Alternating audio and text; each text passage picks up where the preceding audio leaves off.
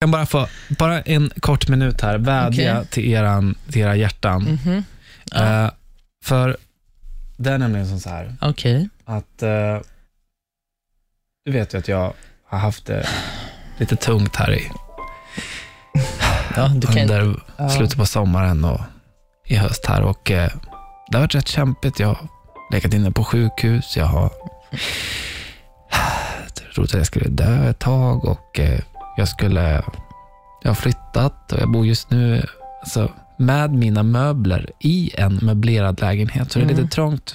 Jag, Mm. I morse till exempel när jag gick till köket så råkade lilltån gå och stöta in i, byrån så att det gjorde så här jätteont. Ehm, men jag tar mig till jobbet ändå och det, det som håller mig lite glad är att när jag går in till, till badrummet och ser mitt svallande hår, då blir jag så här lycklig igen. Liksom. Jag tänker så här, men fan Erik, idag kanske du träffar den där tjejen som, som du så gärna vill träffa och kanske startar.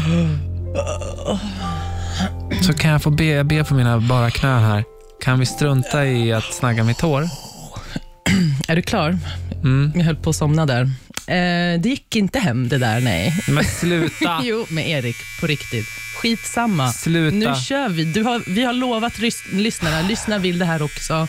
Nu kör vi. Ditt sent- sentimentaltal var väldigt fin. Ja, Den, den gick in rakt i hjärtat, men du kan inte köpa oss med... med du kan inte köpa oss sådär.